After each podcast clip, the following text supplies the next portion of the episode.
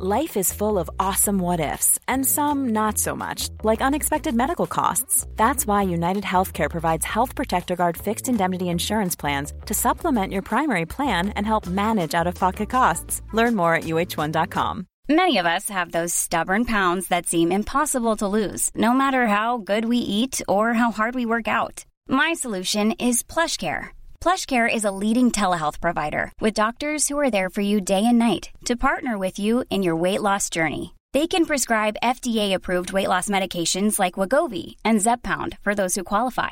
Plus, they accept most insurance plans. To get started, visit plushcare.com slash weight loss. That's plushcare.com slash weight loss. Mom deserves the best, and there's no better place to shop for Mother's Day than Whole Foods Market. They're your destination for unbeatable savings, from premium gifts to show-stopping flowers and irresistible desserts. Start by saving 33% with Prime on all body care and candles. Then get a 15-stem bunch of tulips for just $9.99 each with Prime. Round out Mom's menu with festive rosé, irresistible berry chantilly cake, and more special treats. Come celebrate Mother's Day at Whole Foods Market.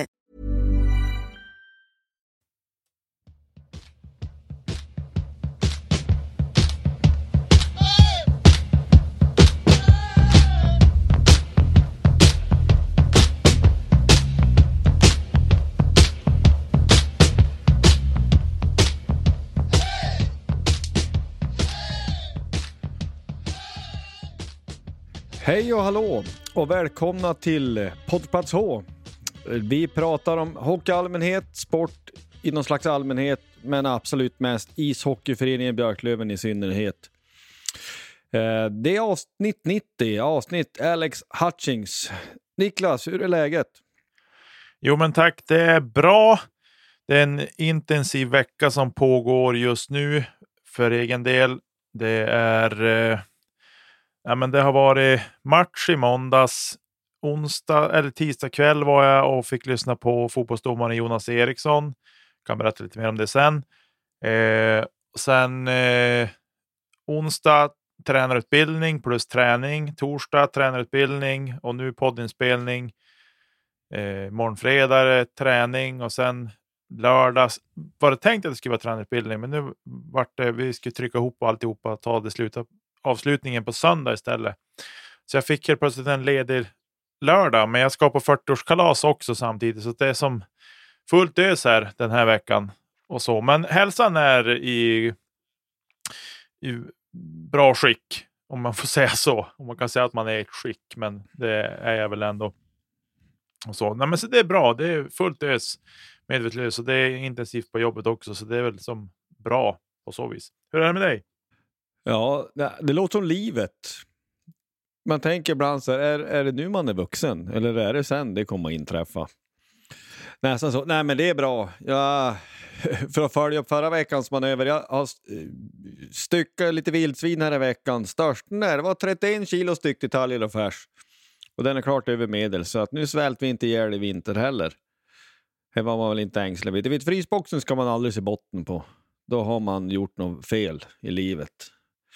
Eh, kan väl också, när vi är inne på det, nu blir det lite så, men ja, eh, Nick Schilke var ju här för några veckor sedan och sköt ett rovdjur och det är ju fixat. Jag har sett till att röka lite utav det, utav rovdjur han har sköt och sen så har vi, ja, eh, jag styckade i det såklart och fixade så att nu nästa gång jag träffar honom då ska jag se till att han får med sig det där eh, hem. Så det där blir roligt, eh, tycker jag.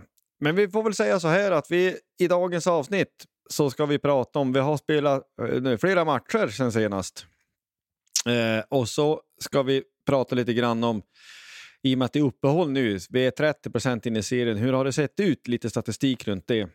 Vi har också fått ett samtal med djurgårdaren Niklas Mörling, så vi ska prata med honom, eller vi ska lyssna till det samtalet, hur han ser på säsongen hittills i en, en klubb som är mer turbulent än våran. Och så avslutar vi som vanligt med lite övrig sport. Så vi tar och tuta och kör.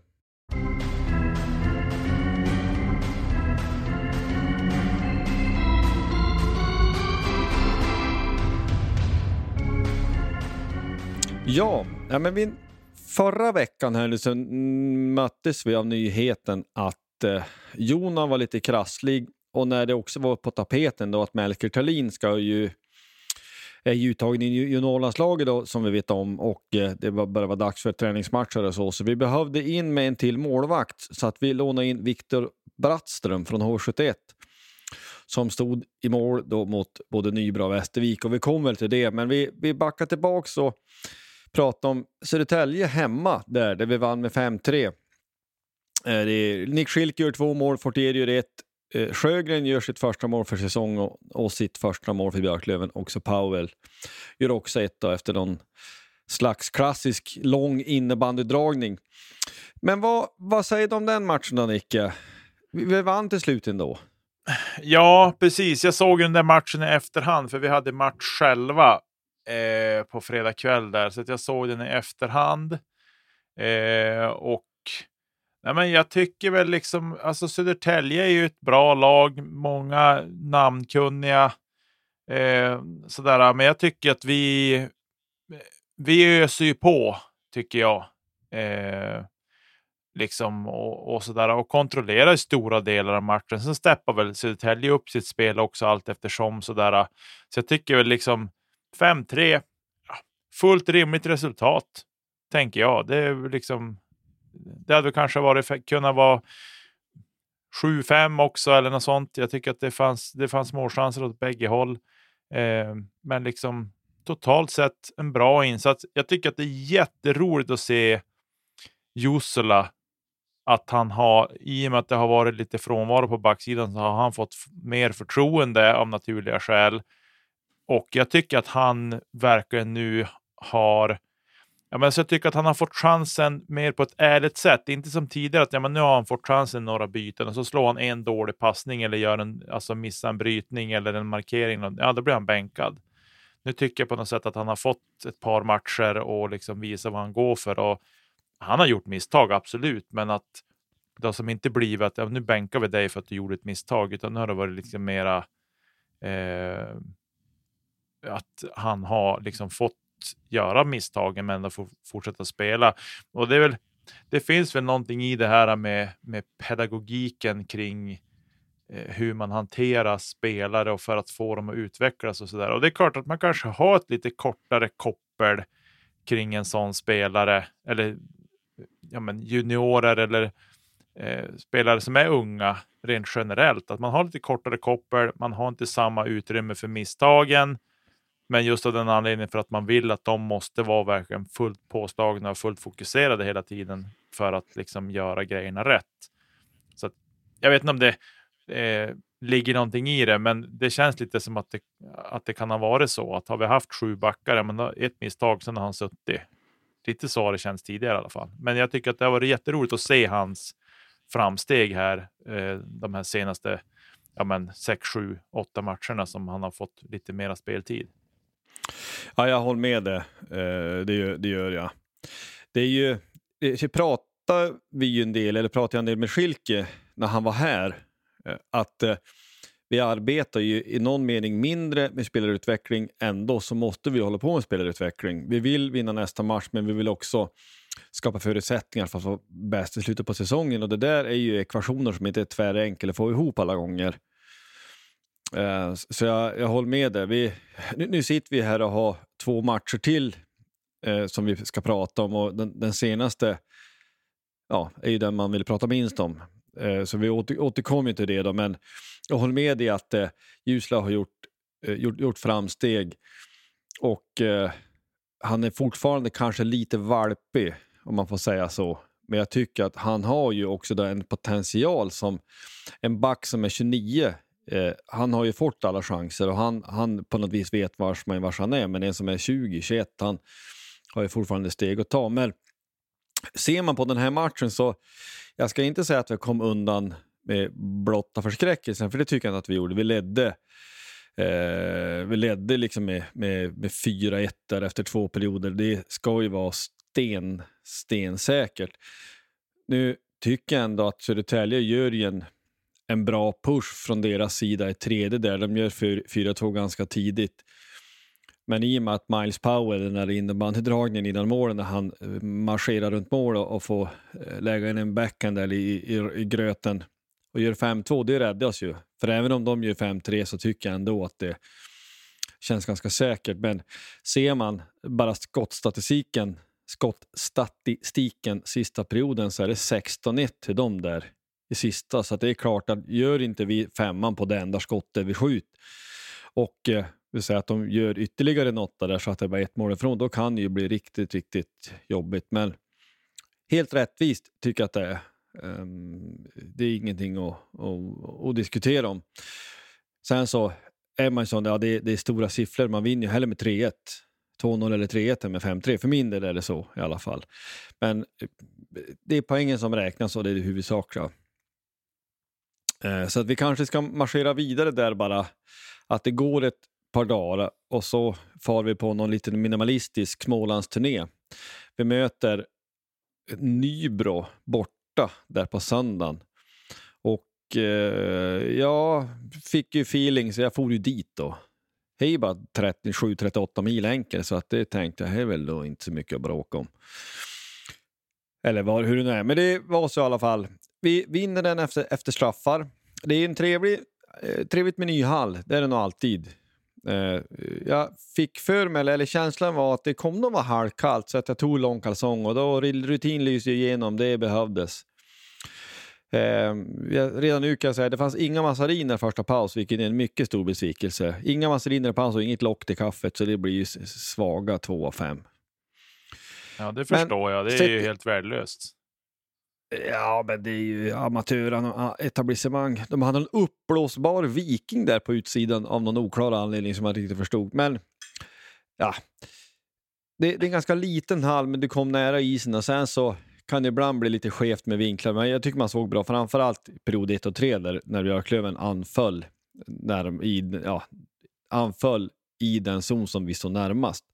Det var ett gäng lövare där det var eh, även bekantingar från Umeå som hade sökt sig dit. Så det, det var fler som hade åkt långt.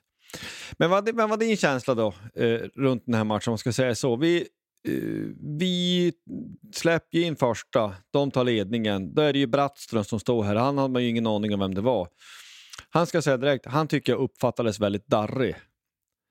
Ja. Alltså, eh, släppte returer och så. Ja, alltså så här vi ska väl säga så här, vi, det är ett lån från, från HV, vilket alla har läst sig till vid det här laget. Eh, men han har ju varit eh, supertydlig i andra målis till Joni Ortio där, eh, som har stått mer eller mindre allting. Och det gör ju att han har inte spelat match på jätte, jätte, jätte, jätte, jätte länge. Eh, och sen blir han inkastad i ett topplag som har två bra målvakter. Jag förstod faktiskt inte riktigt varför han skulle stå mot Nybro när vi hade Thelin med på bänken. Jag hade tyckt att vi hade lika väl kunnat spela Thelin den matchen. Eh, för ja, sett till de målen han släppt så tänker jag så här, ja men eh, Thelin kanske hade tagit så att vi hade kanske kunnat komma därifrån med tre poäng. Men ah, det är skit i samma. Nu vart det som det blev. Men jag håller med dig och det är klart matchovanan gör ju, den lyser ju igenom något fruktansvärt. Eh, och Hockeyallsvenskan är bra och Nybro är inte alls ett dåligt hockeylag. Jag tycker att det är, det är stor skillnad mot när vi mötte dem hemma. Eh, för då var, det, då var det klasskillnad mellan lagen. Men just i den här matchen så tycker jag inte liksom att det var... Men de kom ut bra. De gör första mål efter 1.45. Det är klart, det är ingen drömstart för Brattström, men någonstans där blir det som att okej, okay, ja, men jag släppt första, då kan jag släppa tanken på att hålla nollan. Nu ska jag spika igen.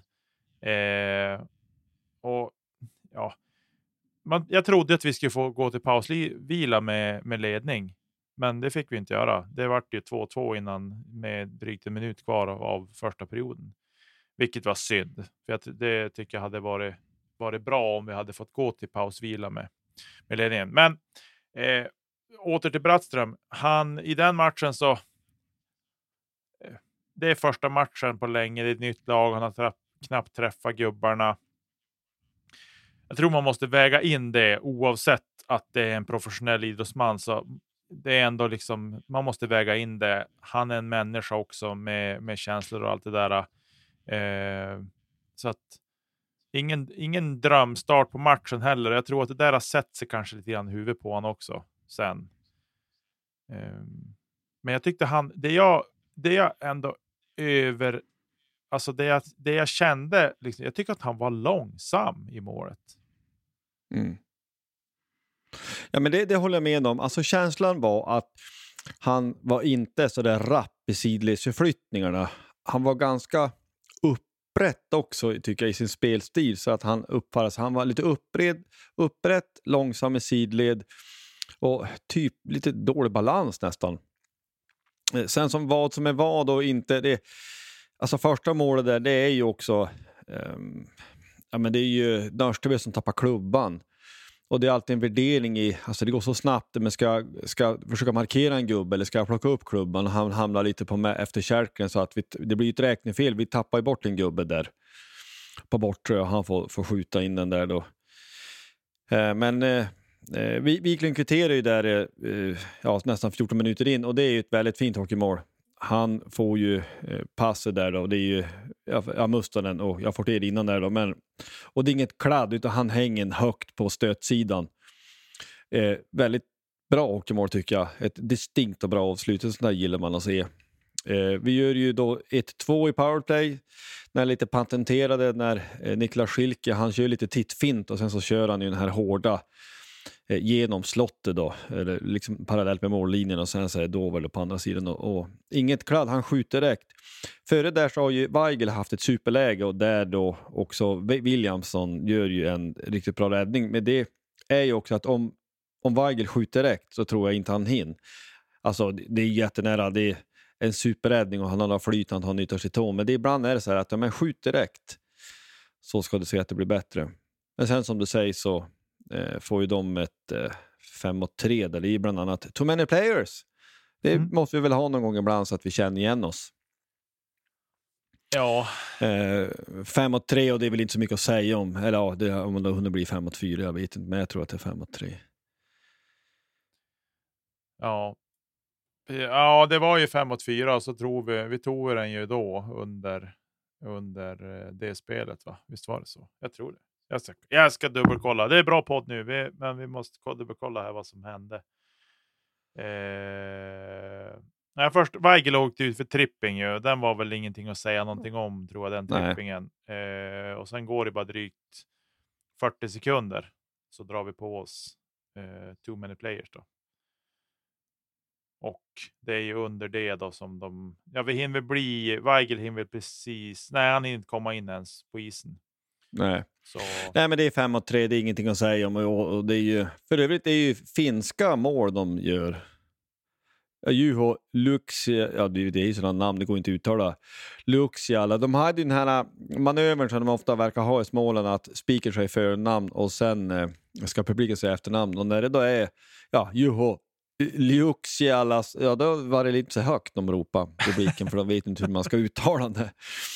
Ja, 2-2 efter första eh, och sen så gör ju eh, gör vi 3-2 i slutet på andra. Det är ett riktigt fint alltså, Jag vet inte om han är skymd där, när Linus Kronholm klappar till. För att han skjuter nästan från blå, så den kan man ju tycka att han nästan ska ha. Men jag tror att han är lite skymd på den. Så därför smit pucken in. Ja, och vi ska ju säga att det var ju på en kall målvakt också, för de fick ju byta ut. Tex fick ju utgå. Eh, vi gör ju det målet efter vi har spelat 17 och 29 och, och 16 21 utgår ju Tex Williamson eh, från matchen. Han var ju på, det var ju någon, var väl någon som eh, Ja, men det är ju Niklas Torp, han crosscheckar ju Weigel är det väl? Rätt in i, sin egen målvakt. Ja, så Oväntat kanske att Torp var. gör en sån manöver. Ja, så var det. Den manövern är ju helt sanslös. Ja, men att han är inte i ordning är, är ju då ingen större ja, inga större nyheter på det sättet. Sen så gör de 3-3 då i början på tredje. Vi får en utvisning i slutet på andra. Så även om vi hunnit bli 5 mot 5 så är det som att det där... Ja, vi, det, det spill som över lite grann. Det är samma Juho Luxiala som gör då 3-3. Mm. Sen så tycker jag att resten av tredje så har vi ändå, vi skapar ganska mycket ändå till att, ja, vi vinner skotten. Det är inte mycket med 7-6, men alltså vi, vi, har lite lägen. Jag tycker att vi, vi är tillräckligt bra i den här matchen för att ta tre poäng. Och där är vi tillbaka till lite det att jag är övertygad om att hade Thelin stått så hade vi tagit tre poäng. Det är jag helt säker på.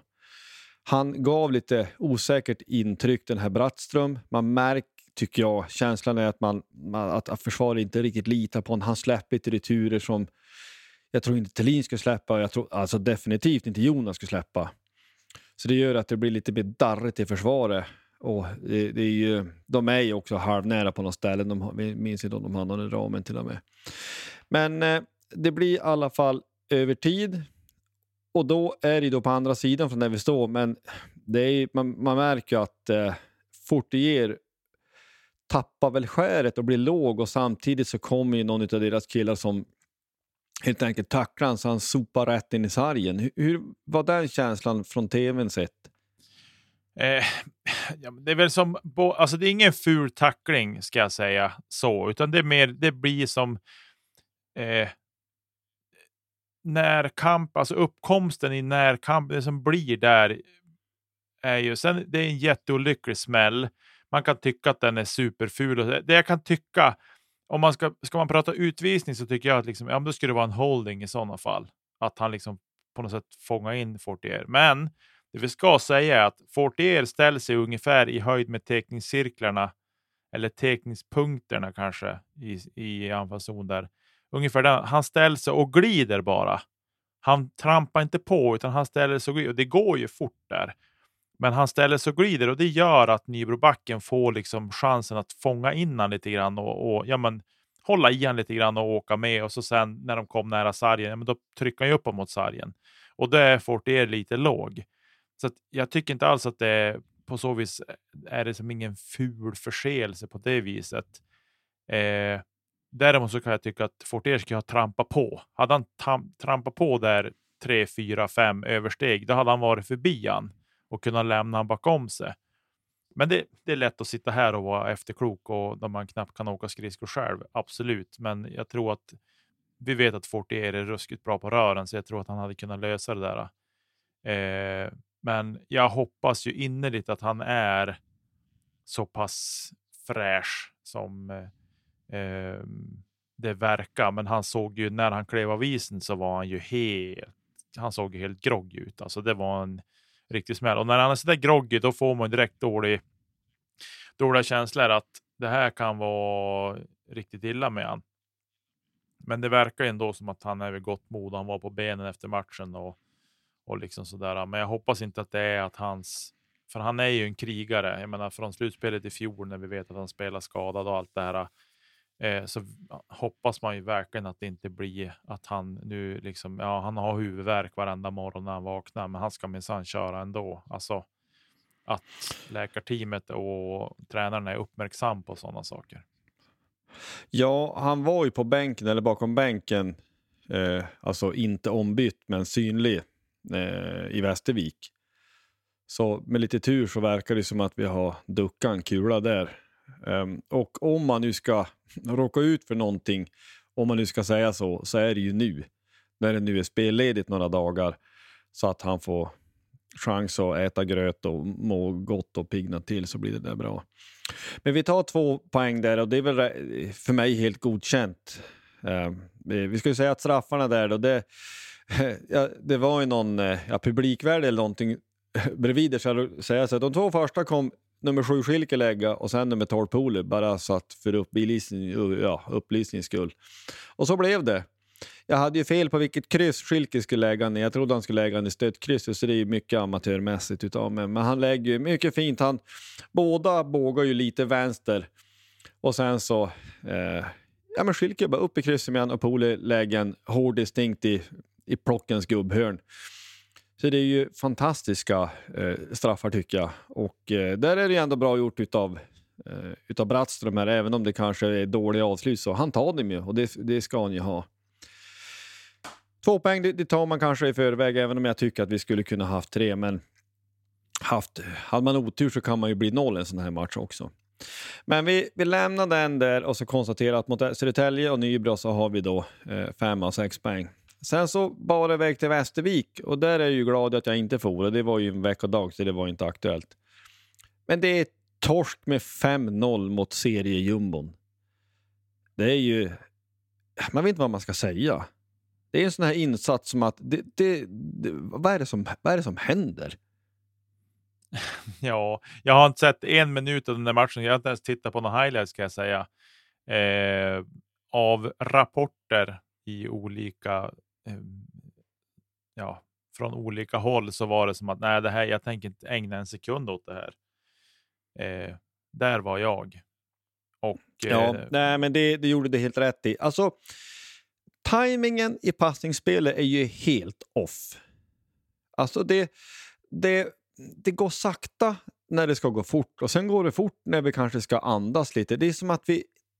Framförallt tajmingen och passningsspelet är ju helt under isen.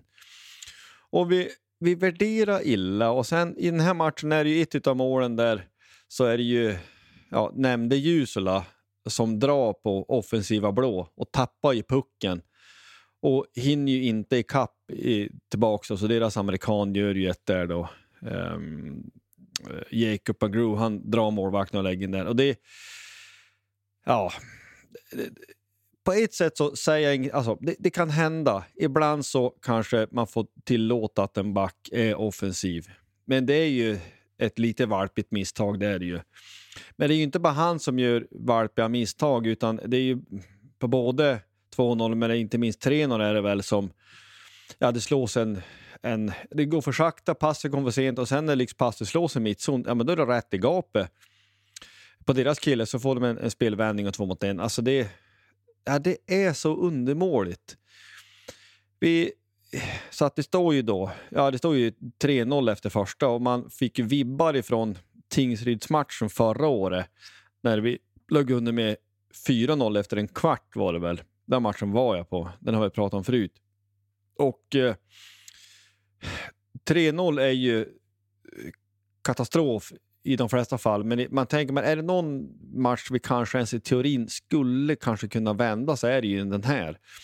Och vi, vi försöker i alla fall att ge det en, en push andra perioden. Vi slänger om linorna lite grann. Till exempel så byter Liam Dover Nilsson och Pooley byter plats eh, i linorna där. Och jag tycker att eh, Pooley tillsammans med, med Powell och den kedjan, det, det, det fanns lite embryon till någonting positivt där.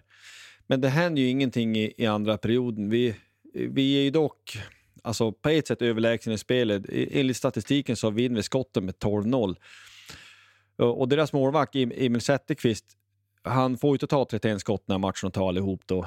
Eh, men ärligt ska man kunna säga att alla de 31 är ju inte liksom vassa avslut. Däremot så får vi hål på en sån här i andra till exempel så att vi gör 3 kanske eller till och med 3-2 inför tredje, då tror jag att vi har alla chanser.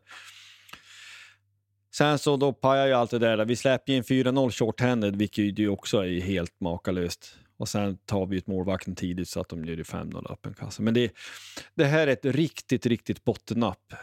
Jag vet inte vad man ska kunna ta för positivt med sig. Det, ja, vi värderar illa, tajmingen är usel, farten är dålig och det, det, nu, vill, nu är det inte en tävling i den som kan kapa mest. Men det, det, det är sån här match som blir som så obegriplig. Vi ska inte kunna spela så här dåligt. Jag tycker inte man, man tänker sig, men för två veckor sedan så gör vi en sån magisk bortamatch mot Brynäs. Och, och det här är samma lag. Mm. Man tänker att det inte ska vara möjligt. Brattström, han står ju här igen. Han har modiga 66 procent räddningsprocent. Så att, jag, jag, vad, vad, säger de om att vi lånar in Brattström överhuvudtaget? Om vi ska bena i det lite. Eller om det finns någonting att bena i. Mobile är ju obegripligt i någon mening. Ja, där tycker jag att det är märkligt att han, att han får stå där. tycker jag. Men det är väl lite så här. Som man har förstått det på det man har läst i, i tidningen kring eh, det här lånet, det som är sagt, det är att eh, HV ville låna ut honom för att han behövde få matcher. Eh, Kente sa okej, okay, vi behöver en målvakt. Eh, vi behöver en, en målis de här två matcherna. Eh, vi har Thelin med oss så att eh, han kan stå mot Nybro. Då säger väl eh, HV, då, det är väl Kenta Norberg som, som säger att nej, men Brattström ska stå bägge matcherna om han ska lånas ut. Och då hugger väl Kente på det. Och det, här, på förhand, kan man klandra han? Nej, egentligen inte på ett sätt. Och sen kan det också vara att det kan jag komma från landslagsledningen för Thelins del också, att han ska komma till liksom landslagssamlingen skadefri. Eh, och vi vill inte att han, att han står, utan han får vara backup i sådana fall. Alltså det kan vara så, jag bara försöker liksom mm. bolla lite. Kan det vara sådana orsaker? Liksom så här, för jag håller med, jag tycker att det är märkligt att han inte står mot Nybro. Men det kan vara sådana saker som väger in. Men vi har ju fått det bekräftat att ja, men han ska stå två matcher, Brattström, om han ska lånas ut. Eh, så det är väl egentligen den enda förklaringen där. Sen scoutingen på han som målvakt. Jag har ingen aning vad, vad liksom Bjurling har sett. Eh, han kanske tycker att det är en jättebra målvakt. Han är ganska stor, han är 1,93 lång. Eh, så det är ju som ingen, ingen kort målvakt.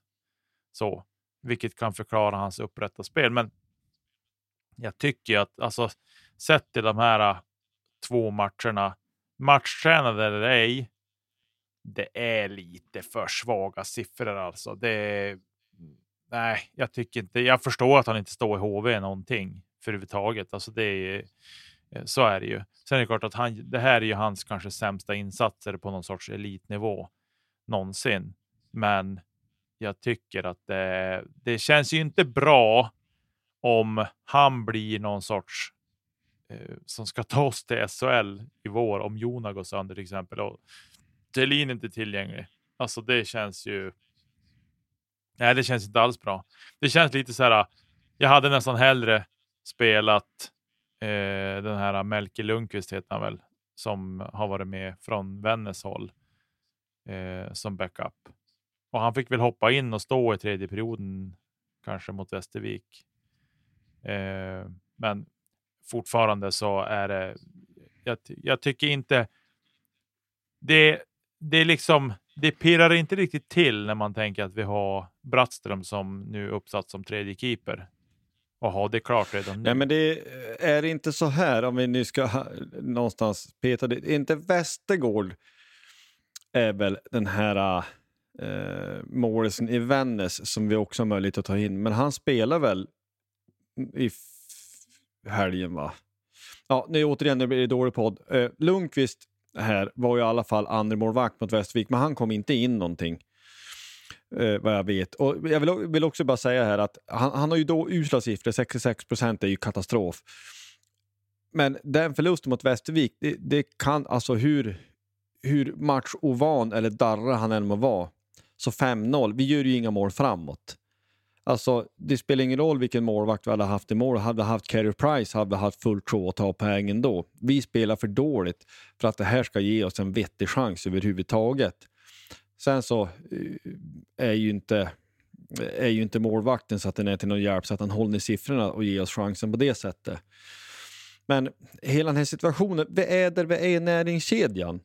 Så att vi har inte så mycket att välja på. Ska vi ha ett SHL-lån och eh, också kunna namnge en målvakt så att vi har resten av säsongen, som nu regelverket är. Så vi, vi kan inte välja vem som helst. Eh, tidigare har ju Brassen varit bra. Han har ju bra siffror i Hockeyallsvenskan tidigare med Timrå till exempel. Så han har ju varit bra tidigare och Nubben tar ju inte med sig han till HV hur som helst tror jag. Utan han ser väl i synen sist någon slags målvakt där som han tycker är bra. Men Ja, det blir som konstigt. Men vi vet ju inte som sagt hur resonemanget har gått hela vägen. Det kanske också har funnits en vilja från juniorlandslagets sida och kanske från Melkers sida också att han vill vara fräsch.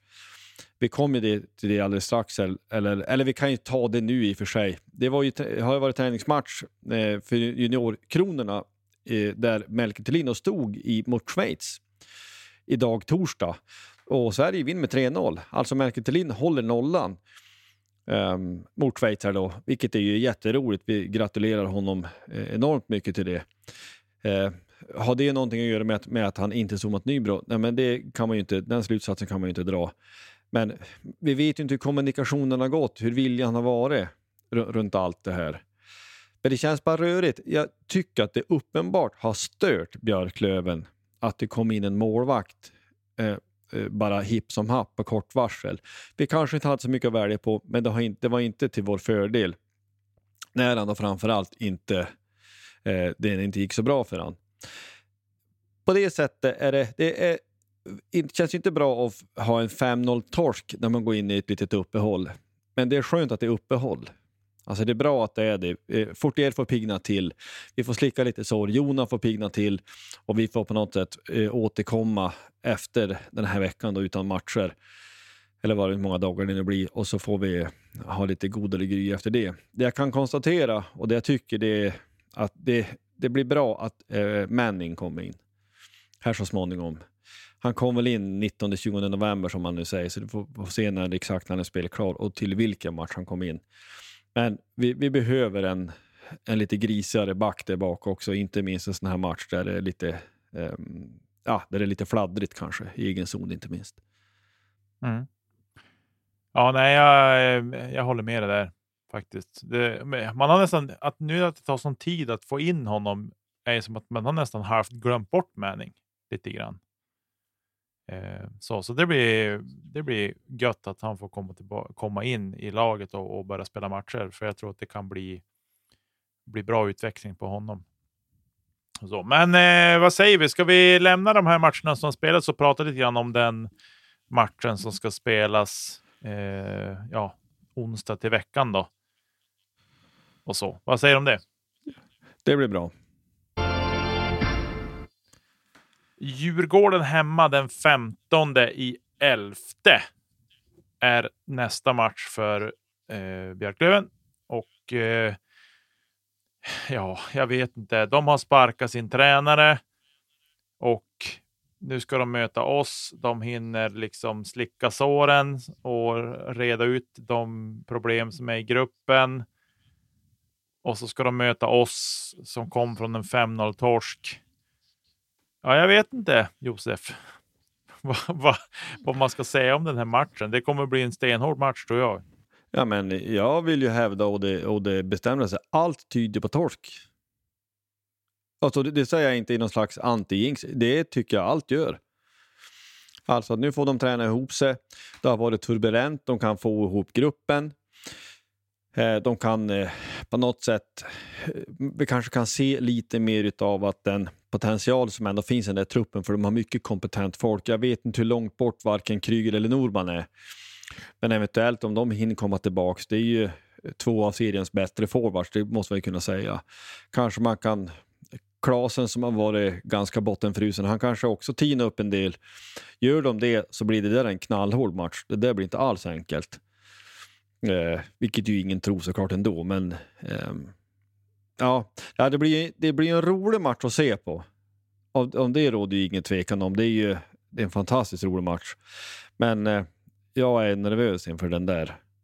Det är som att vi har blandat och gett så mycket. Någon match i fjol, ja, men då ledde vi med 5-0 efter en kvart och det var fantastiskt. Och sen så har vi seriepremiären där vi, där vi förlorade.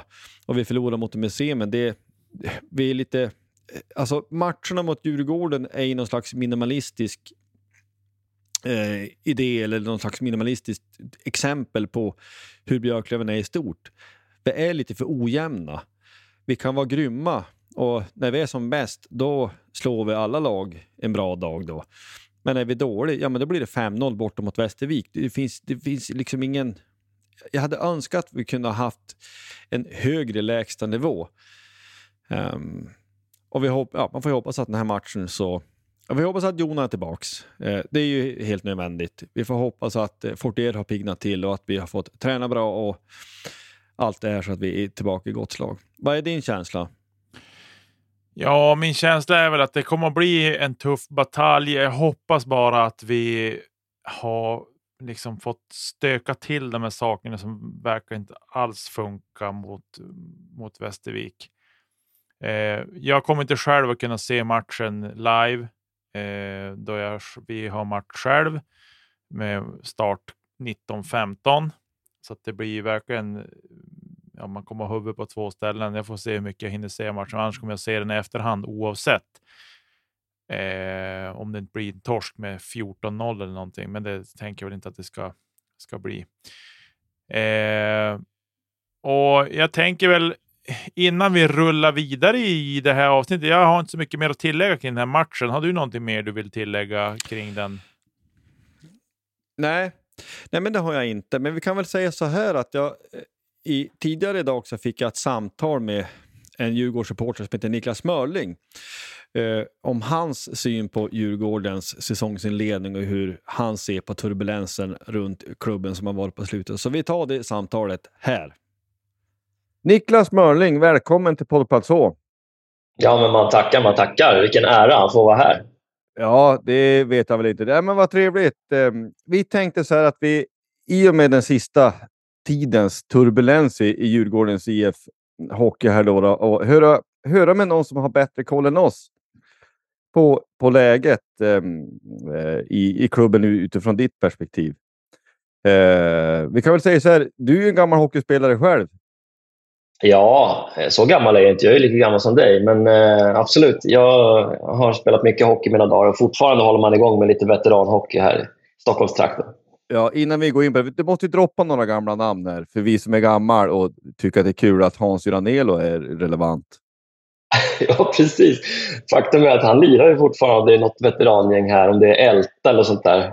Eh, och vi i vårt gäng har ju Reino Sundberg, om det ringer någon klocka hos någon. Oh ja. Gammal landslagsmålis och Djurgården, Hammarby, Södertälje och lite sånt. Ja, nej, men det blir man ju glad av att höra. Ja, nej, men eh, lite från sidan då. Ni, alltså Djurgården var ju en match från att gå upp i våras. Alltså, hur var din känsla in i den här säsongen? Var den god och tänkte att men det här kommer att kunna upprepa? Eller hur, hur var känslan?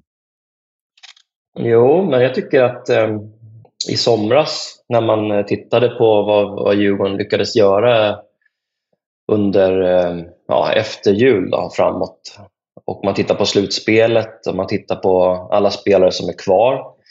Det, var det är inte så många som har försvunnit. Det är ju de här unga killarna som i och för sig var väldigt betydelsefulla och kanske mer betydelsefulla än eh, vad många tror. Men Ögren, Östlund, Lekkerimäki, Lindbom, det är ju toppspelare i SHL idag. Eh, så det är klart att mm, de har ju försvunnit. Men jag tycker ändå att det var en väldigt god känsla inför säsongen.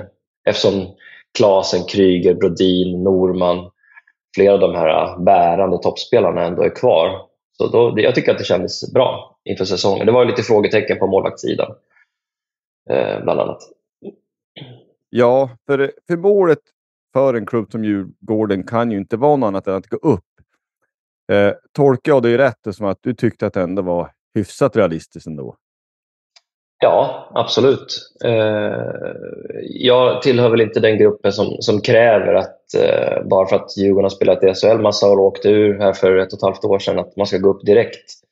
Eh, jag vet att det inte är så enkelt, men det är klart att det måste vara målsättningen för Djurgården. Sen om det händer på ett år, eller två år, eller tre år, eller kanske till och med fyra år, det är självklart att det måste hända. Ja, för då, då är ju då liksom frågan, det har ju knackat betänkligt. Varför?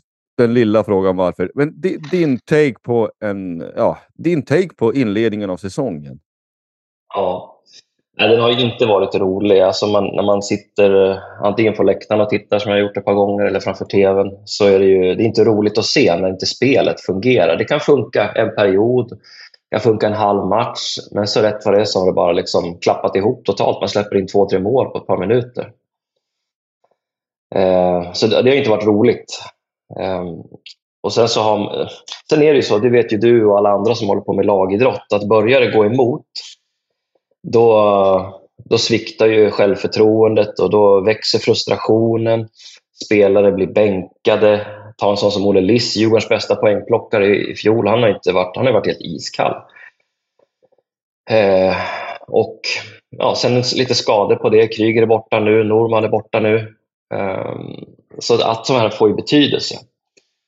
Och sen börjar ju media, fans börjar ju gapa och skrika såklart när att det ska avgå spelare och ledare till höger och vänster. Det hör ju till. Även om jag hoppas och tror att jag inte är riktigt lika enkelspårig och drastisk när det kommer till det. Men, men eh, nej, laget har underpresterat.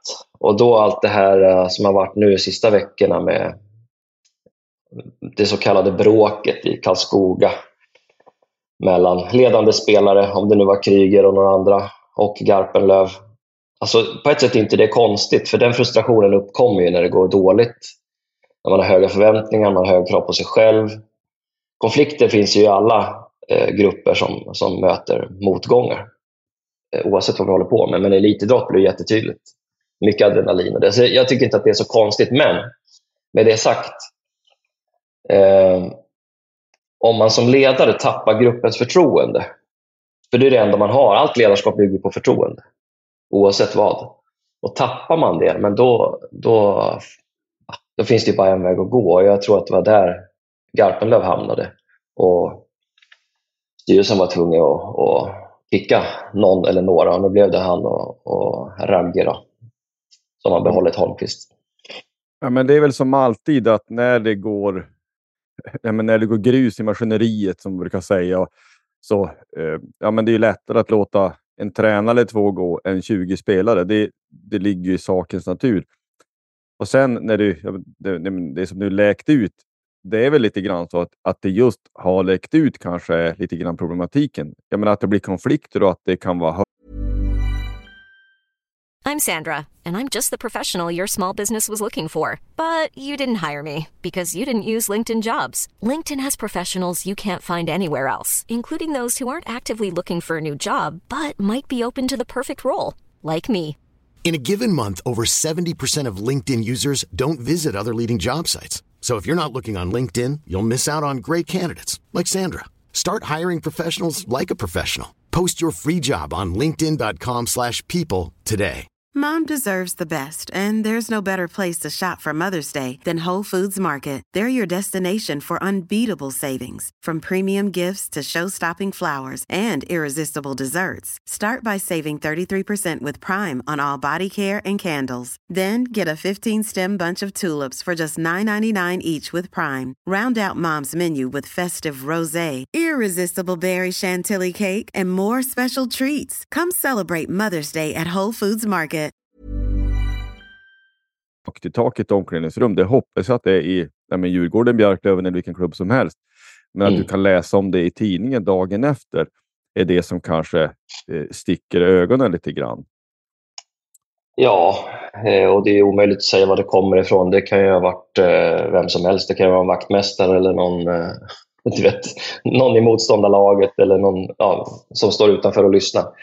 Så det, det, är sånt som händer. Jag, jag, tänker det får man ta för vad det är. Det är inte säkert att det är någon i laget som har gått och pratat med någon tidning. Det, ja, så vidare. Ja. Ja, det var... Men sen kan man inte heller, man kan inte heller bygga sin uppfattning på allt som sägs i sociala medier. För där finns det ju jättemånga människor som inte kan någonting om teambuilding eller ledarskap eller hur man hanterar motgångar. Eh, men helt klart är att DIF är på en dålig plats, även sett i ett större perspektiv. Eh, jag tror man måste tänka långsiktigt. Eh, för, och strategiskt för att bli framgångsrika. Och för det så krävs mod och tålamod och det är lättare sagt än gjort. Där tycker jag Björklöven har hittat en bra, bra linje över tid. Ja, vi, men rent historiskt och då får vi ta ja, men, sista 20 åren har ju varit på en helt annan plats. Eh, det, det, finns ju inga likheter. Man har varit nere och vänt ettan och har ju aldrig för de sista fyra, fem åren ens varit nära i någon mening. Ja, vi har en kvalserie i mitten på 2000 där, men i övrigt så har vi inte varit nära eh, högsta ligan för, för sin, senaste åren. Men eh, tillbaka till det här att ja, men det har knackat betänkligt. Eh, ser du att det är någon slags brist på spelidé eller att spelidén är eh, för lättläst? Eller går det att säga någonting om det? Eller har du någon tanke runt det? Inte så jättemycket kring själva spelidén. Eh, jag, jag, tror väl inte att det är den som är felet. Möjligtvis kan man ju fundera kring, har vi en spelidé som är anpassad efter våra spelare? Men det är inte jag rätt person att svara på. Men man kan ju, om vi nu pratar om Garpenlöv till exempel och tränarstaben, så är inte de sämre tränare idag än vad de var för sju månader sedan. Eh, så jag, och jag, tror så här, skillnaderna är inte så stora oavsett om du pratar om SHL eller Hockeyallsvenskan eller någon annan elitliga. Eh, så att man, man kan inte gå in och göra på 90 procent. Man kan inte tänka sig att ja, vi möter Kalmar, eller Västervik eller Tingsryd. Och går man inte in med en professionell inställning och attityd, ja, men då förlorar man. Eh, det såg vi ju senast med Björklöven, att de 5-0 hemma mot Västervik. Alltså det, man tror inte att det kan hända, men det är så det är. Lagidrott är dynamiskt och inget lag går, går rakt igenom en serie i princip. Nej, Eh, och, Men jag tycker att säsongen, den här säsongen påminner ganska mycket om förra året. Eh, Vi spelade riktigt dåligt hela förra hösten. Sen försvann eh, alla JVM-spelarna, var borta en månad, det var massor med skador. Och så, så gör man en riktigt bra vårsäsong och ett fantastiskt bra slutspel och jag utesluter inte att det kan hända igen. För jag tycker ändå, även nu fast resultaten har varit urusla under hösten, första 14 omgångarna, så har Djurgården ändå visat att man kan spela bra. Och det tycker jag ändå är, inger lite hopp. Så att, eh, jag tror ingen Djurgårdare har gett upp säsongen. så. Nej, men allt handlar ju om, för båda, båda våra klubbar, handlar om att vinna säsongens sista match. Och då är det, Mm. inte krasst, ni fick i alla fall spela sista matchen. Eh, Ja, men precis. Och det var ju jättehäftigt. Och det kan ju mycket väl hända igen om man nu är ett slutspelslag. Det visar sig väl här framme. i- För att Djurgården går till slutspel, det känner jag mig ganska trygg med. Men det är inte så svårt i den här ligan. Även Nej. om vi ligger väldigt dåligt till nu. Men eh, sett över 52 omgångar så ska det väldigt mycket till för att Djurgården inte ska komma topp 10. Precis. Och nu är man utan tränare eller har någon slags interimlösning. Får man ju se hur det blir. Det, gamle säcken ryktades in där ett tag, men han eh, har tackat nej. Så vad, vad tror du där? Vem tror du kommer in eller vem skulle du vilja ha in? Ja, alltså, man, jag tror man måste tänka i två spår samtidigt. här. Det ena man måste tänka kortsiktigt. Vad händer nu under november och december? Och sen måste man ha ett långsiktigt spår som, som handlar om vad händer 2024, 2025 och 2026.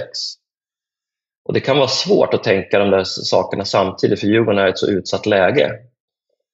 Eh, och Därför så undrar jag om det inte skulle vara smart att låta nu Holmqvist som hade laget eh, senaste matchen och man lyckades ändå... Det var ju ändå bra energi i laget. Jag tycker man spelade bra och trots att man åkte på två eh, käftsmällar där i slutet på första perioden så lyckades man ändå vända och komma tillbaka. Man tappade inte spelet med den. Så att jag, jag kan nog tänka mig att eh, låt Micke Holmqvist eh, ta hand om, om eh, båset här nu. Eh, ett par veckor, ett par månader. Eh, och se hur det går. Man måste inte ha bråttom. Liksom. Och sen så kan man ju, man, han måste ha hjälp såklart, men man måste inte ta in någon gammal profil. Du vet. Ta in eh, jag vet inte alla de här namnen som snurrar. Utan våga tänka lite nytt. Um, jag tycker jag attraheras av tanken till exempel och på lång sikt att man skulle kolla om det går att få loss Kimby till exempel från Almtuna. Eh, Som är lite yngre, lite nytänk. Jag tror inte, man, jag tror inte Djurgården kan tänka att vi ska ta någon som vi hade på 80-talet eller 90-talet och tro att det ska gå bra. Gamle Borken kanske har lite liv i sig fortfarande. ja. Borken, Bostedt, Falk, Ja, det, ja. finns, Putte Karlsson. det finns några finsmakarnamn där. Jag menar, alltså, för att stanna till med Kimby där. Det är ju, han har ju varit i Björklöven nu. Eh, 1920, den här supersäsongen som vi hade. Mm. Det var ju han och eh, Jocke Fagervall också. Löven, eller ja, Djurgårdsbekanting. Han får väl lön fortfarande. Ja, absolut. Han och ett par stycken till. Ja, oavsett vilket så Kimby, det vet varenda lövare om att han betydde mer än vad man kanske tror den säsongen. Alltså den duon funkar väldigt bra, han och Fagervall. Fagervall som gammal militär liksom är duktig på att bygga grupper och få folk att dra samma håll. Och jag tycker att Kimby ofta, eller Kimbys lag får ofta ut det mesta av sina spelare. Eh, vi förlorade till exempel hemma mot Almtuna för inte så länge sedan. Tycker jag definitivt var en, en coachseger kändes det som på något vis. Mm. Så det är ju såklart. Eh, men, men ser du då att Holmqvist ändå ska vara kvar på något sätt och kampera Ja, ihop absolut. som Kimby i så fall? Ja, absolut. Eh, Micke Holmqvist är ju erkänt duktig och har ju gott anseende i klubben och har ju gjort jätte, jättebra jobb i Djurgårdens juniorverksamhet i flera år. Det är därför han är där är idag. Och det är därför han är kvar trots att Ragnarsson och Garpenlöv fick gå. Ja, Så det, jag tror på honom. Sen exakt vilken roll, det- ja, det ska inte jag ha någon åsikt om. Men ge honom chansen nu och se vad som händer. Ser du också att, eh, det att det kommer att bli, eh, alltså man gör någonting med truppen, att någon spelare får gå eller att man tar in någon spelare, att man gör några kader där? Ja, så är det väl alltid i alla klubbar nu för tiden. Vi kan tycka vad vi vill om det, men det är så hockeyverkligheten ser ut. Man har ju skickat eh, Lundin till exempel och tagit in på lån nu, eh, Kostmar. Um, så det kommer bli små förändringar, men jag tror inte att det kommer in några stora raketer. Liksom. Nu har man ju lyckats lösa den här ohållbara situationen med Hedström och, och Schilling. Och, det återstår ju Falk, då, de här tre backarna, som varit på kontrakt men inte fått vara med i truppen. Så förhoppningsvis kan det frigöra lite ekonomi så att man kan ta in någon back. Forwardsidan tycker jag ser, den ser bra ut. Det, det är vad man kan förvänta sig. Om det inte blir några ytterligare skador. Nu är ju två av våra bästa forwards borta, men någon back till och någon målvakt till behöver vi nog eh, ställa in oss på och få tag på. För att målvaktssidan har ju varit... Ja, den har svajat. Jag tror vi ligger på eh, ja, 80, 86 procent eller något sånt där på målvaktssidan, alltså räddningsprocent. Och det håller ju inte. Nej, nej det gör det ju inte. Och för att, liksom en följdfråga, eller två följdfrågor. Det ena är, men har, finns det pengar? Alltså att agera på? Jag tror inte det. Nu är det ju ett eh, viktigt medlemsmöte idag, så det lär komma fram ett och annat eh, på det. Men jag tror inte att det finns några stora pengar, men eh, hur den är så måste man nog rekrytera eh, ett par gubbar under säsongen. Sen om det blir nu eller i februari, eh, det ska låta vara osagt. Ja, för det, det om vi börjar knyta ihop det lite grann. Hur ser ditt förtroende ut för Stoppel? Man tänkte han är ju någonstans eh, spindeln i nätet i allt detta. Ja, jag tycker också det är så sociala medier-grejer. Det, det gnälls och gapas och skriks så fort det går emot. Jag menar, för ett och ett halvt år sedan då var han kung. Liksom. Oh, han tar in de här och han tar in de här och han har rekryterat de här. Han är inte sämre sportchef idag än han var för ett år sedan heller. Eh, sen så tror jag inte att han varken vill eller ska vara kvar på lång sikt. Utan han klev in när det blev en situation efter Jocke Eriksson. Jag tycker han har gjort det så bra han kan efter förutsättningarna. Men han är inte nere på isen och presterar. Sen har det varit dåliga rekryteringar och det är hans ansvar. Jag menar, eh, eh, ja, men, tränarrekryteringarna med Fagervall och, och eh, Garpenlöv. Var de bra eller dåliga? Ja, med facit i hand har det inte varit bra, men frågan om det är hans fel. Sen har inte de här nyförvärven i år, Magwood var han 1 plus 2 på 14 matcher. Gradin gjorde två mål senast, så han har fyra mål, noll assist. Alltså där finns det hur mycket som helst att, eh, och förvänta sig mer. Eh, så att, ja, jag tror inte KG Stoppel kommer vara kvar, men jag hänger inte honom för att Djurgården är där de är idag. Själv. Det, det finns många fler faktorer som har med det att göra. Nej, men det, det är ju så. Alltså det, det, är så lätt att vid sidan av ha en frustration över ja, men till exempel 5-0 mot Västervik eller att vi, det är något annat som, som strular till sig. Men, och man kan peka på tränare och ledare, men i syvende och sist det är inte de som slår en dålig pass i mittzon, utan det är ju någon som är på isen som gör det. Mm. Det, det, det, är lätt att glömma bort. Ja, men det är intressant att höra hur det här går. Jag, vi har ju varit i kontakt med honom lite förut och jag tycker att tipsen att nu blir det rotation här eller lite rockader på tränarfronten. Jag tänker det är ju Björklöven-Djurgården ganska snabbt här efter det här landslagsuppehållet. Jag ser det som icke spelbart att Djurgården kommer att vinna med en tre, fyra baljor. Det kan jag inte tänka mig annat. Vad tror du om det? Det kan, det, ja, det kan gå hur som helst. Jag var ju och såg premiären på Hovet och det var ju, tror jag, Djurgårdens bästa insats den här säsongen. Det var ju en otroligt rolig match att se för att båda lagen bjöd ju verkligen till. Det var bra fart, det var bra tryck. Eh, eh, så det var kul att se. Jag, tror och hoppas att det blir en liknande match. Ehm, och det kan gå hur som helst. För skillnaderna är inte så stora. Eh, Björklöven slog Brynäs borta. Djurgården höll på att slå Brynäs borta innan man klappade igenom.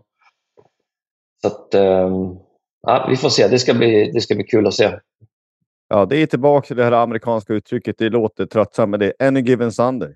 Alltså varje given match så kan verkligen alla slå alla. Det är bara så. Ja, definitivt. Och speciellt i den här ligan är det så.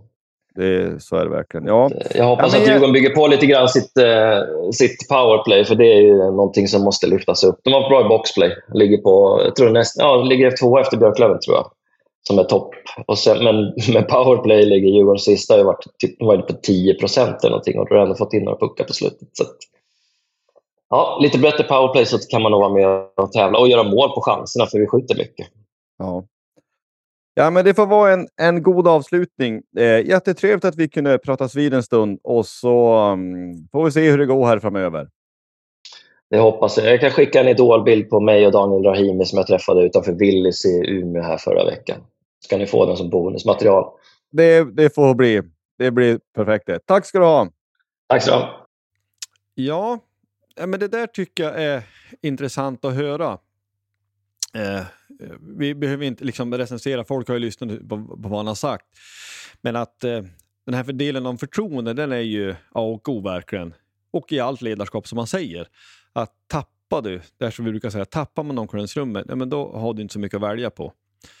Eh, vi vet inte om det är exakt det som har hänt, men det verkar ju vara bland annat det då i så fall. Så att eh, Djurgården kan komma smygande och bli farlig i vår. Det, det tror jag nog. Eh, återstår att se hur, om de kan spetsa truppen, men det lär de ju göra.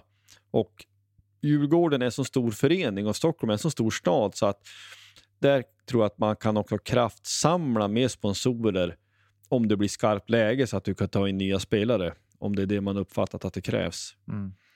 Um, Olle Liss han fick väl spela direkt matchen efter en del. Han har ju suttit bänkad viss, vissa delar och han levererade ju direkt när Mattias Rydda gjorde mål så att det får bli intressant att se. Ja, det var intressant att höra. Vi får gärna... Eh, jag har väl ingen, egentligen någonting emot Djurgården bortsett från att man är emot alla lag som Björklöven möter.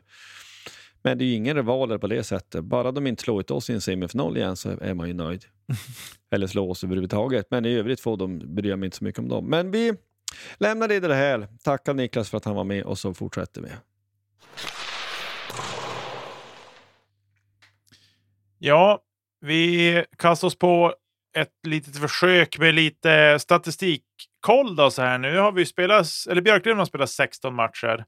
Det vill säga lite drygt 30 procent av serien då. En haltande tabell. Av någon anledning så är det så otroligt haltande tycker jag. Eh, och vet inte riktigt vad orsaken till det är. Jag, nu har jag inte någon koll historiskt sett, men jag vet att det har varit så här tidigare säsonger också. Att det har varit lite haltande och hattande framåt. Och så får, är det något lag som får någon tisdagsmatch och någon söndagsmatch och så tas det igen. Och så. Jag förstår inte riktigt varför det ska behöva vara så, men eh, det är väl halvtider och annat som, som ställer till det. Eh, men vi kan väl konstatera så här då. Som läget nu ser ut så poängligan är ju glädjande läsning. Där har vi Miles Powell högst upp i topp på 21 poäng eh, på 16 matcher och det är ju ett bra poängsnitt. Eh, och jag tycker inte heller liksom att han... Eh, han har gjort sju mål och 13 assist. Det är väl 20 poäng om jag inte minns. Har han 14 assist då kanske? Eller han 8 mål? Eh, 7 plus 13 är 20 i min värld, men ja. Eh, sak i samma. Han tycker jag har smugit lite grann under radarn. Alltså han har som inte synts på samma sätt som man tyckte Nick Schilke gjorde i fjol. Eh, och man, många säger att ja, Nick Schilke han är inte igång och han har inte varvat upp. Nej, men han snittar ju liksom en poäng per match. Och vi upplever att han är kall. Det är ju liksom, man måste sätta det lite grann i perspektiv. Och Liam Dover Nilsson har vi strax efter Schilke. Han har gjort 15 poäng på, på de här 16 matcherna. Han har väl gjort åtta mål i powerplay nu dessutom vilket ju är imponerande siffror eh, och glädjande. Och han har dessutom gjort nio mål totalt. Eh, och med det så är han tvåa i målligan och där Miles Powell är nia i målligan med sju, sina sju mål. Eh, vad har du att säga kring de här sakerna, Josef? Ja, ja men det är ju som sagt det haltande tabell, vilket också ger då haltande statistik. Och statistik är inte allt. Du har helt rätt, där Miles Powell har gjort 20 poäng, 7 plus 13. Eh, han är ju nu så, han är så bra som vi trodde, eller som vi hade hoppats och som man tycktes ana tidigt. De, de tidiga träningarna, jag var där första träningen och eh, redan där, man tyckte liksom första 5 mot 5 övningen var nästan att man, han ligger rätt och han är bra. Eh, han är en ruskig hockeyspelare helt enkelt. Han är jätteduktig. Eh, och det, det, har vi ju sett också. Alltså vi, vi har en porter som är väldigt bra. Um, det man skulle kanske önska det att ja, men Poli som smälte in var det 35 baljor i fjol. Han har det gått lite trögare för. Men det blir också när du fyller på med spets så hamnar du kanske lite i annan alltså i någon slags rangordning eller någonting. Ja, men Pooley han spelar powerplay, men han spelar andra powerplay. Och nu har det varit så, du sa precis, Leon Damer Nilsson har gjort åtta powerplay. På slutet, sen vi ställde upp lite annorlunda, så är ju inte Poli i första powerplay längre. Och första powerplay har varit, varit jättebra. Jättebra. Vilket gör ju att till exempel då mot Nybro, ja men då har du Schilke stenhårt över då halvt parallellt och så gör han ett mål, ja men då är powerplay slut. Mm. Så att du, du, du tappar ju eh, chanser som du skulle ha haft att göra mål på. Till exempel om du är uppställt i, en, i ett eh, andra PP istället för första. Eh, en spelare som man ska också kunna nämna som en del är besviken över och han kan se lite slapp ut, det är Mayer. Men Mayer, han är väl bäst i Björklöven 5 mot 5 tror jag, alltså sett till poäng och produktion. Han spelar inte mycket powerplay alls. Numera spelar han ingenting. Han spelar lite mer, var det andra PP i början innan vi gjorde om. Eh, så att det, det, är lätt att stirra sig blind på statistik, vilket vi, vi ska göra. Men det är också det är ett lätt sätt att räkna. Du kan ju exakt räkna exakt vad folk har gjort och vi har inte tillgång till eller grotta ner sig i den avancerade, statistiken särskilt mycket. Ehm, men ser man eh, vi kan fortsätta se lite på målvakter. Jona Voutilainen har 11 matcher. Han har 93,84 i räddningsprocent. Det är bäst i Hockeyallsvenskan. Han har 1,96 96 i goal against average, vilket är näst bäst. Det är Moras målvakt som är bäst då på goal against. Så det är ju... Jona är grym. Vi har en helt grym målvakt, helt enkelt. Jag, jag, vill, jag, skulle, jag skulle inte vilja byta honom mot någon i Hockeyallsvenskan som det ser ut nu. Totalt sett så har vi gjort flest mål, 61 mål framåt. Det är tre stycken fler än Brynäs, men de har två matcher mindre spelad färre spelare så att de lär ju passera oss där. Då. Men vi har gjort 3,81 mål per match och det är då trots att vi har blivit nollade två gånger. Nu bland annat de senaste Västervik. Vi har släppt in 2,5 mål per match och det tycker jag spontant känns lite för mycket. Den siffran skulle man vilja ha ner en del. Det, det, det blir ändå över tid inte helt enkelt att alltid göra minst låt säga då, tre mål per match för att vinna. Eh, men eh, vi har näst bäst powerplay, om vi fortsätter med det. Det är, nästan, det är, det är näst bäst, det är exakt 30 procent och vi har bäst boxplay med 91,43. De boxplay-siffrorna de är ju helt sinnessjuk. De är fantastiskt bra. Men om jag ställer frågan så här då, tyckte du att vi är i fas? Nej. Säg de här siffrorna eh, hur mycket som helst om hur bra vi är, eller vad, vad tänkte du? Alltså det är det här som är så svårt. Eh, om vi nu liksom, men eh, vårat hockeykunnande kontra många andra, kan, säkert många lyssnare, men även då liksom tränarstab och hockeyspelarna själva kan ju hockey mycket bättre och se hockey på ett annat sätt än vad, än vad vi gör. Eh, men ändå så har man sett så fruktansvärt mycket hockey genom åren och eh, man håller på med idrott eh, på ett eller annat vis i stort sett hela sitt liv. Eller inte hela sitt liv, men sen, i alla fall sen ja, 8-9 års ålder. I alla fall. Eh, så är det ändå som man, man jag tycker inte att vi har fått ut, vi har inte fått ut max och det är jag glad för också. Vi ligger jättebra till i tabellen, för det är inte nu vi ska toppa formen heller. Vi ska inte göra som Modo gjorde i fjol. Nu gick de förvisso upp, eh, men de hade ju sin peak nu. De var jättebra under hösten och sen passerade juluppehållet och sen efter jul så dalade de. Nu fick de ihop det till slutspelet ändå och gick upp. Eh, men liksom... Ursäkta, det, jag, jag röstar för att vi gör exakt som Modo. Vi vinner säsongens sista match. Tack för mig, fortsätt. ja, jag håller med dig där, men, men jag tänker just serielunksmässigt så är det kanske eh, det är på något sätt så försöker jag se att ja, men, vi, har fått, vi har vunnit matcher vi kanske inte skulle vinna. Vi har, eh, ja, men, vi har fått med oss poäng och liksom, ja, men vi ligger där vi ligger i tabellen av en anledning också. Sen kanske det inte har sett så bra ut alla gånger och, och liksom man sitter och studsar i soffan och, tycker att, och blir frustrerad över saker. Men jag tycker ändå eh, att det finns kvaliteter i laget och eh, alltså att, att få ut. Det ligger där under ytan och pyr lite grann så. Eh, men jag tänker att får vi fram de där sakerna och får det att börja lossna ordentligt och börja få lite snurr så eh, tycker jag inte att det ska vara. Alltså. Vi laget är tillräckligt bra för att kunna gå som tåget nu efter det här uppehållet. Det är, det är liksom dit man vill komma. Man tänker så här. Jag har ibland gått tillbaks av ren nostalgi tillbaks till säsongen 1920 och tittat, men vad hade vi för lag? Jag menar, jämför man spetskompetensen vi hade då kontra den vi har idag så är det liksom. Det är ju stor skillnad där. Eh, eller stor, men det är skillnad i alla fall. Vi har bättre spelare in nu än vad vi hade 1920. 1920 fungerade lagmaskinen Björklöven. Ja, nej, men så var väl också att vår backsida, inte minst då med, med historiens, eh, liksom, vi har facit.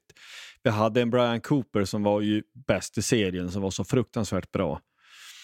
Eh, till exempel, han saknar vi. Vi saknar ju den här föraren, den här tvåvägsbacken som typ alltid var bäst på plan.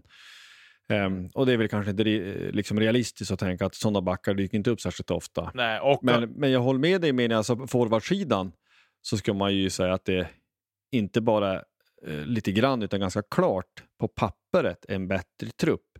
Men det är precis som du säger, det kuggar i och vi, har, vi spelar ju lite annorlunda idag. Och, eh, hade dagens lag spelat som då, ja men det hade kanske inte fungerat lika bra. Vi, eh, det har gått några år sedan dess och vi kanske sönderläste på ett annat sätt. Vi hade också Joe Kanata som var väldigt, väldigt bra. Men vi har Jona nu som är ju också helt grym. Så att, eh, det, det, är intressant att man, man, kan jämföra. Det är lätt att man blir nostalgisk. Det har vi tjatat om tusen gånger. Och bara titta bakåt. Jo, men det, det var en vi fick en träff och vi hade ett fantastiskt lag och vi hade gått upp det året om vi hade fått spela färdigt, det är jag helt övertygad om. Men eh, vi, vi, vi, lever här och nu, precis som du säger. Um, och jag håller med dig, men jag, jag, tycker inte att vi får ut max trots tabellplacering. Alltså vi, vi dalar lite för mycket, vi är för ojämna, vilket ju Västerviks matchen visar. Sen så tycker jag också att emellanåt så känns det som att vi, det är inte riktigt, alltså det är som att vi spelar lite med handbromsen i. Alltså det, det kuggar inte i riktigt. Men sen tillbaks igen, vilket vi, vi, vi, vi man vill försöka sluta tjata om tidigare säsonger, men det finns lite i det här att vi ibland kanske vi inte är riktigt realistiska. Vi tror liksom att vi ska vinna skotten med 5-10 varenda gång och vi ska vinna med 7-0 minst, annars så är det för dåligt. Ja, men det funkar inte riktigt så. Många matcher 1920-säsongen och andra säsonger också när det har gått bra så ja, men många matcher spelar vi inte bra, men vi vann ändå. Vi, skillnaden är att vi matcherna vi inte spelar riktigt lika bra så är känslan nu att eh, då kan det bli poängtapp. Ta Nybro som ett jättebra exempel. Motsvarande match i någon slags hypotetisk tanke, den tar vi tre poäng i 1920. Alltså vi hittar sätt att krångla oss till att vinna. Eh, vi, vi, vi håller en ledning och så sätter vi sista öppen bur och sen så tycktes vi att det gick ganska bra. Mm. Insatsen kanske är densamma. Men det är som att det, de, de svagare insatserna har lett till fler poängtapp än vad man tycker är nödvändigt. Men säsongens hela mål är att vi ska vinna säsongens sista match. Eh, vi ligger bra till. Vi, ligger, vi är i ett, i ett hål för att, eh, att kunna vinna serien, vilket ju har visat sig vara väldigt, är väldigt viktigt. Men det är också beroende på någon. Nu har Brynäs, vi leder serien nu förvisso, men det är bara med en poäng och Brynäs har två mindre spelad. Beroende på hur det går där, ta de sex poäng där då. Då har de inte ryckt kanske, men då är de i förarsätet ett tag. Um, ja, ja men det, det liksom, vi, vi, går in i den här, nu har serien i någon mening har väl ändå satt sig. En tredjedel nästan är spelad. Så att tendenser kan man väl ändå skönja. Uh, så ja, men säg någonting. Vad tror du här framöver? Det, det, det, det är de här grismatcherna här nu ett tag som man måste se till att vinna. Det behöver inte vara så snyggt, men se till att vinna bara. Ja, men exakt. För det är lite det som känns. Alltså, utan att ha besökt ishallen i, i Västervik. Jag fattar. Det pirrar inte till att åka dit och, och spela hockey. Jag, jag köper det 100 procent. när man har hållit på och spelat fotboll och innebandy genom livet så har man ju liksom haft borta resor som man har känt att Nej, men jag vill inte dit. Jag vill inte dit och spela. För att jag tycker inte om hallen, jag tycker inte om den här fotbollsplanen, den är dålig eller vad det kan vara. liksom. Eh, men det är fortfarande så att det är lika många poäng vi spelar om. Och det har vi också sagt tusen gånger. Men det är liksom... Och det är klart att Västervik kommer ut och är svintaggad. De har förlorat två bortamatcher mot oss eh, två dagar i rad och fick stordäng. Det är klart att de kände att nej, men vi måste gå ut och prestera bättre. Och det gjorde de ju enormt mycket bättre. Och vi ställde in skridskorna på isen. Eller ja, jag vet inte ens om skridskorna var där. Jag tror skenorna kanske var där. Och hoppades på att det skulle funka. Stråle sa väl att han tyckte att ja, hade vi fått lite utdelning så hade det, blivit, hade det kunnat gå vägen. Men vi, vi, vi har ett par misstag som blir jättekostsamma. Men jag tycker inte att det riktigt räcker att säga så. Eh, och vad men vi förlorar med 5-0, det är ju bara liksom lägga sig platt. Vad finns att säga? Om inte om fanns, ja men nu fanns om. Ja. Vi såg ju matchen allihop. Vi, vi, vi gör en riktigt dålig prestation. Mm.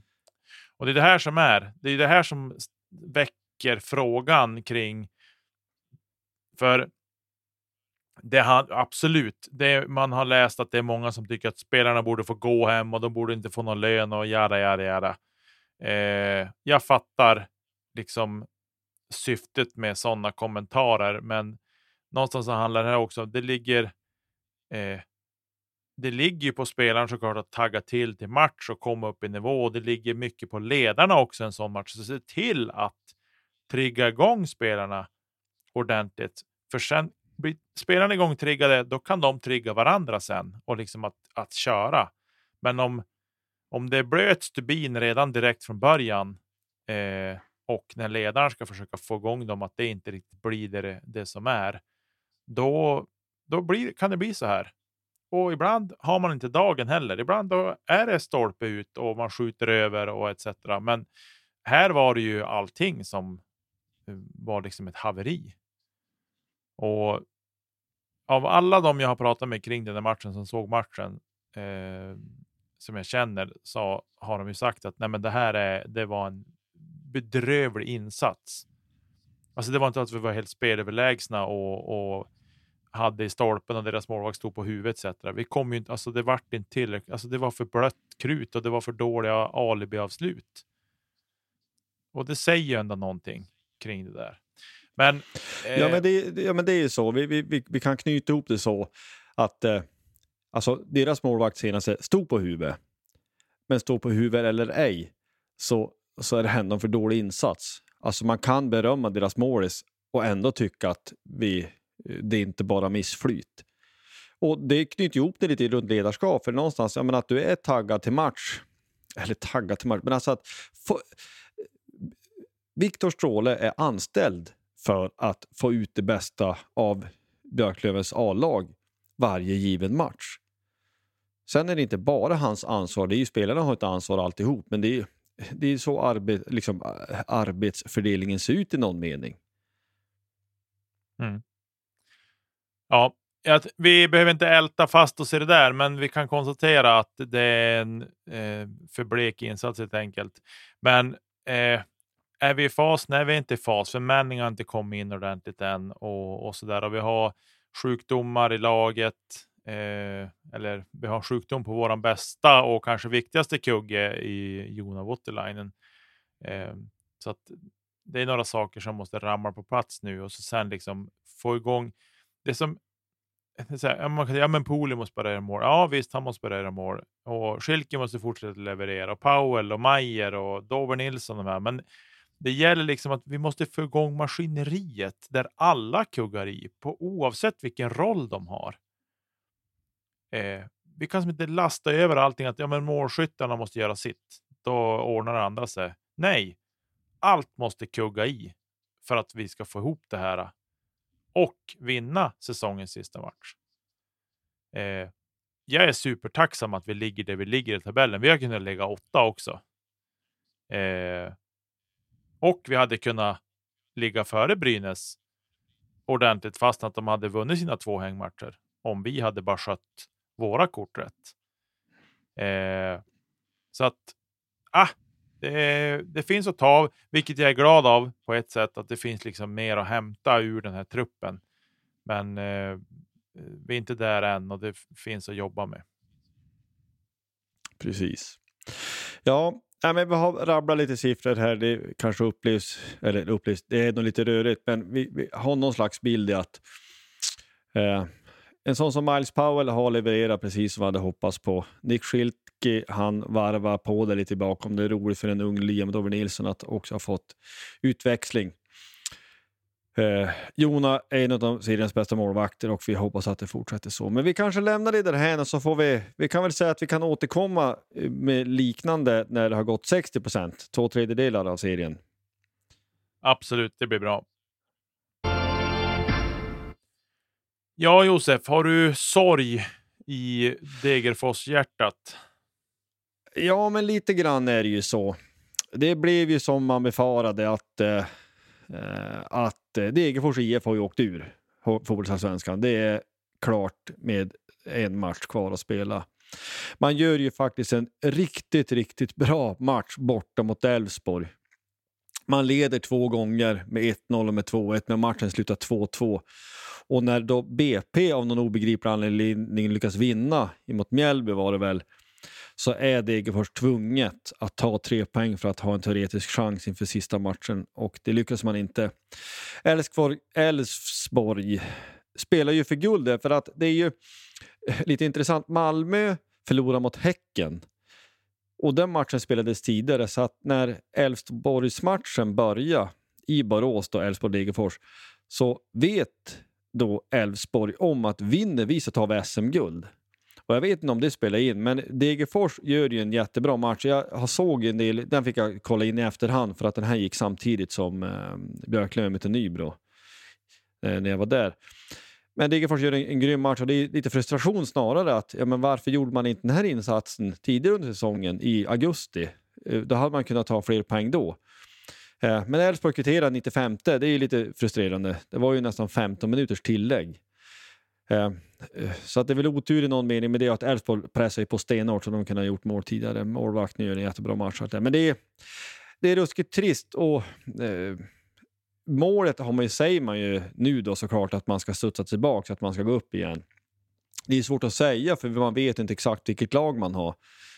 Eh, får man behålla någon slags stomme så kommer man väl att vara hyfsat bra i superettan. Men det är ju det är ju inte lätt alltså. Det, det ska man ha väldigt klart för sig. Eh, men det, har, det gör alltså, i alla fall för toppen för fotbollsallsvenskan, gör detta att det är en direkt avgörande match mellan Malmö och Elfsborg nästa. Eh, det är enklast liksom, möjliga förutsättningar i någon mening. Det är så här att man, det är en match kvar. Malmö-Elfsborg i Malmö. Elfsborg har 64 poäng och Malmö har 61. Man har exakt samma målskillnad. Så det är helt enkelt så att vi, Malmö måste vinna. Alla andra resultat än vinst för Malmö vinner Elfsborg SM-guld. Men det räcker för Malmö att vinna med 1-0, så tar man det.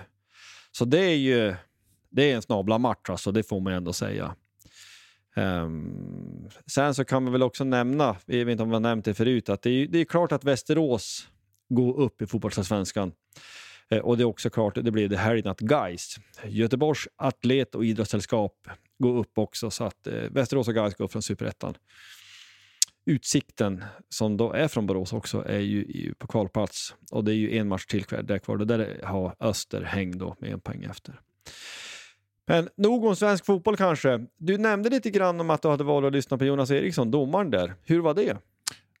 Fem plus. Fantastiskt roligt och jätte, jätte, jättebra. Eh, han, alltså han, eh, otroligt duktig måste jag säga. Alltså nu har jag ju sett honom lite grann i tv och där tycker jag också att han har varit bra. Eh, sådär. Men alltså, jag tyckte att det var, det var värt varenda krona, varenda minut som man har investerat i det där. Vi köpte biljetterna för ganska länge sedan, jag och några kompisar. Och eh, vi, vi gick ut och käkade en, en eh, god bit mat på hockeyhaket Ökås först. Käkarna började där och sen åkte vi ner på väven, där på vävenscenen där Jonas Eriksson då skulle ha sin föreläsning visa lite filmklipp, lite bilder och sådana saker och berätta om sin, men lite grann kring sin uppväxt och hur han blev domare och allt det här. Eh, men jätte, jättebra var det. Eh, och en sak som han berättade att eh, han var väl någon match han dömde i Tyskland där inför 80 000. Han sa det är inget problem att ta att det är 80 000 som buar och tycker att du har gjort ett felaktigt domslut. Det är värre att vara in på en fotbollsplan där det är 80 åskådare och där de går fram till det liksom och tittar på det rakt i ögonen och säger att du vet att du har gjort en riktigt dålig match. Eh, så det är saker som var otroligt intressant att höra liksom hur han reflekterade kring. Och han sa hela tiden att våra bästa matcher, det är när ingen pratar om oss efter matchen. Eh, mm. Och även hur han pratar även liksom, inte jättemycket, men han nämnde alltså hans, hans assisterande domare, linjedomare och sen var det även ett tag att de hade ja, men, domare på kortsidan också där ett tag. Eh, typ straffområdesdomare eller sådär. Eh, och även då fjärde domaren. Liksom. Alltså hur de pratar med varandra hela tiden under matcher. Man fick höra en hel del ljudupptagningar och sådär. Eh, jätteintressant att höra hur det kommuniceras. Och en sak som man, man har inte tänkt på det, man har bara själv tänkt på, men shit vilken split vision linjedomarna har. De har koll på gubben som kanske är offside och när bollen slås. Men det sker genom kommunikation. Den andra linjedomaren kommunicerar genom att prata och säga när bollen slås. Så att den domaren som har sin situation så att säga, han kan fokusera på att titta på vart gubben är. Eh, om man är offside eller inte. Och utifrån det så tas beslut. Eh, för det förstår man, det går ju fort. Du har ju sett jättemycket allsvensk fotboll och allsvenskan är ju en, liksom, ja, men, en bra liga, men den är ju inte internationell eh, liksom lika framstående som de matcher som Jonas har dömt till exempel. Eh, och eh, så där är det. Man fattar att det behövs, de behöver hjälpmedel och eh, också att de ens kan komma. Alltså man hörde ju inte en blåsning som gjordes. Det, sånt filtreras ju bort av det här eh, ja, men kommunikationssystemet de har till exempel. Och att de måste säga saker, upprepa saker, för det är sån hårt ställd noise cancellation på den så att de måste liksom säga saker, upprepa saker eh, för att det ska liksom gå igenom ordentligt. Och, en, en eh, fråga här, pratade han någonting om VAR? Vad han tyckte om det? Och eventuellt då VARs vara eller inte vara i Sverige? Nej, ingenting om det. Det gjorde han inte. Eh, han har ju som inte, jag tror inte han har, han slutade döma 2018. Jag vet inte om han har haft så mycket med VAR att göra. Men jag får mm. säga det så. Han, han pratade inte så mycket om det. Eh, ja, men jag tänkte liksom att han hade någon, någon uppfatt, uppfattning. Nej, ingenting sånt.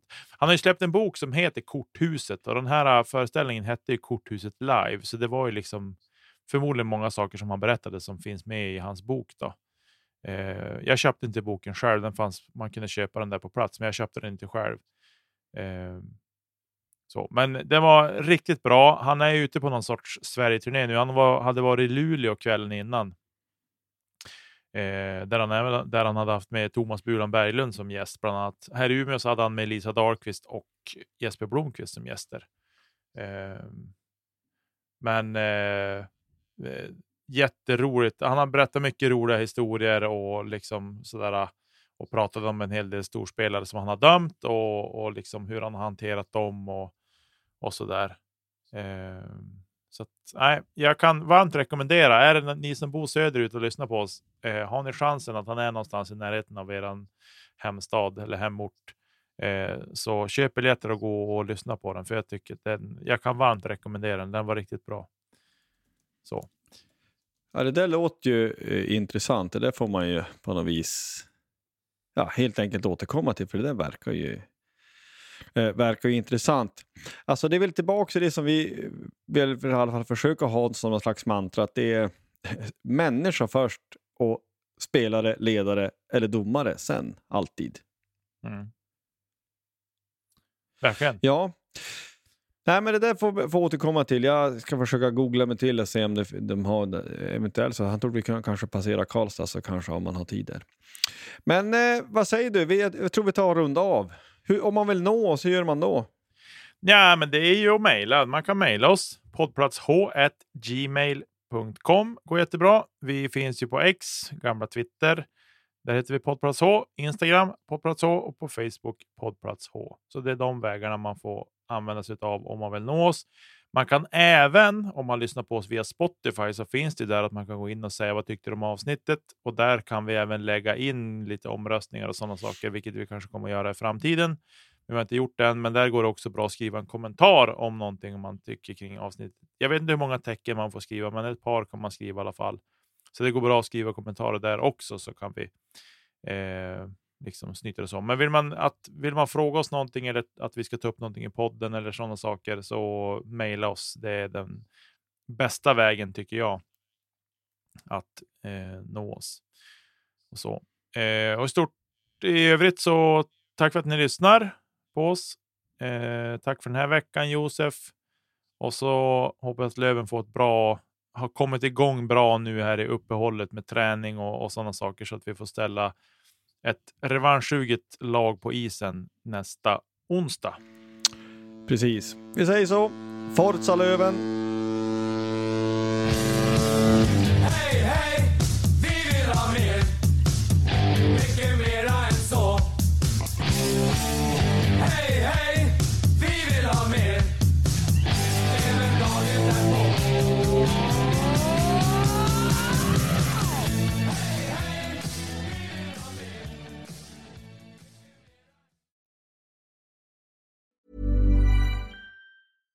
Hey, it's Paige DeSorbo from Giggly Squad. High quality fashion without the price tag. Say hello to Quince. I'm snagging high-end essentials like cozy cashmere sweaters, sleek leather jackets, fine jewelry, and so much more. With Quince being 50 to 80% less than similar brands. And they partner with factories that prioritize safe, ethical, and responsible manufacturing. I love that. Luxury quality within reach. Go to quince.com slash style to get free shipping and 365 day returns on your next order. Quince.com slash style.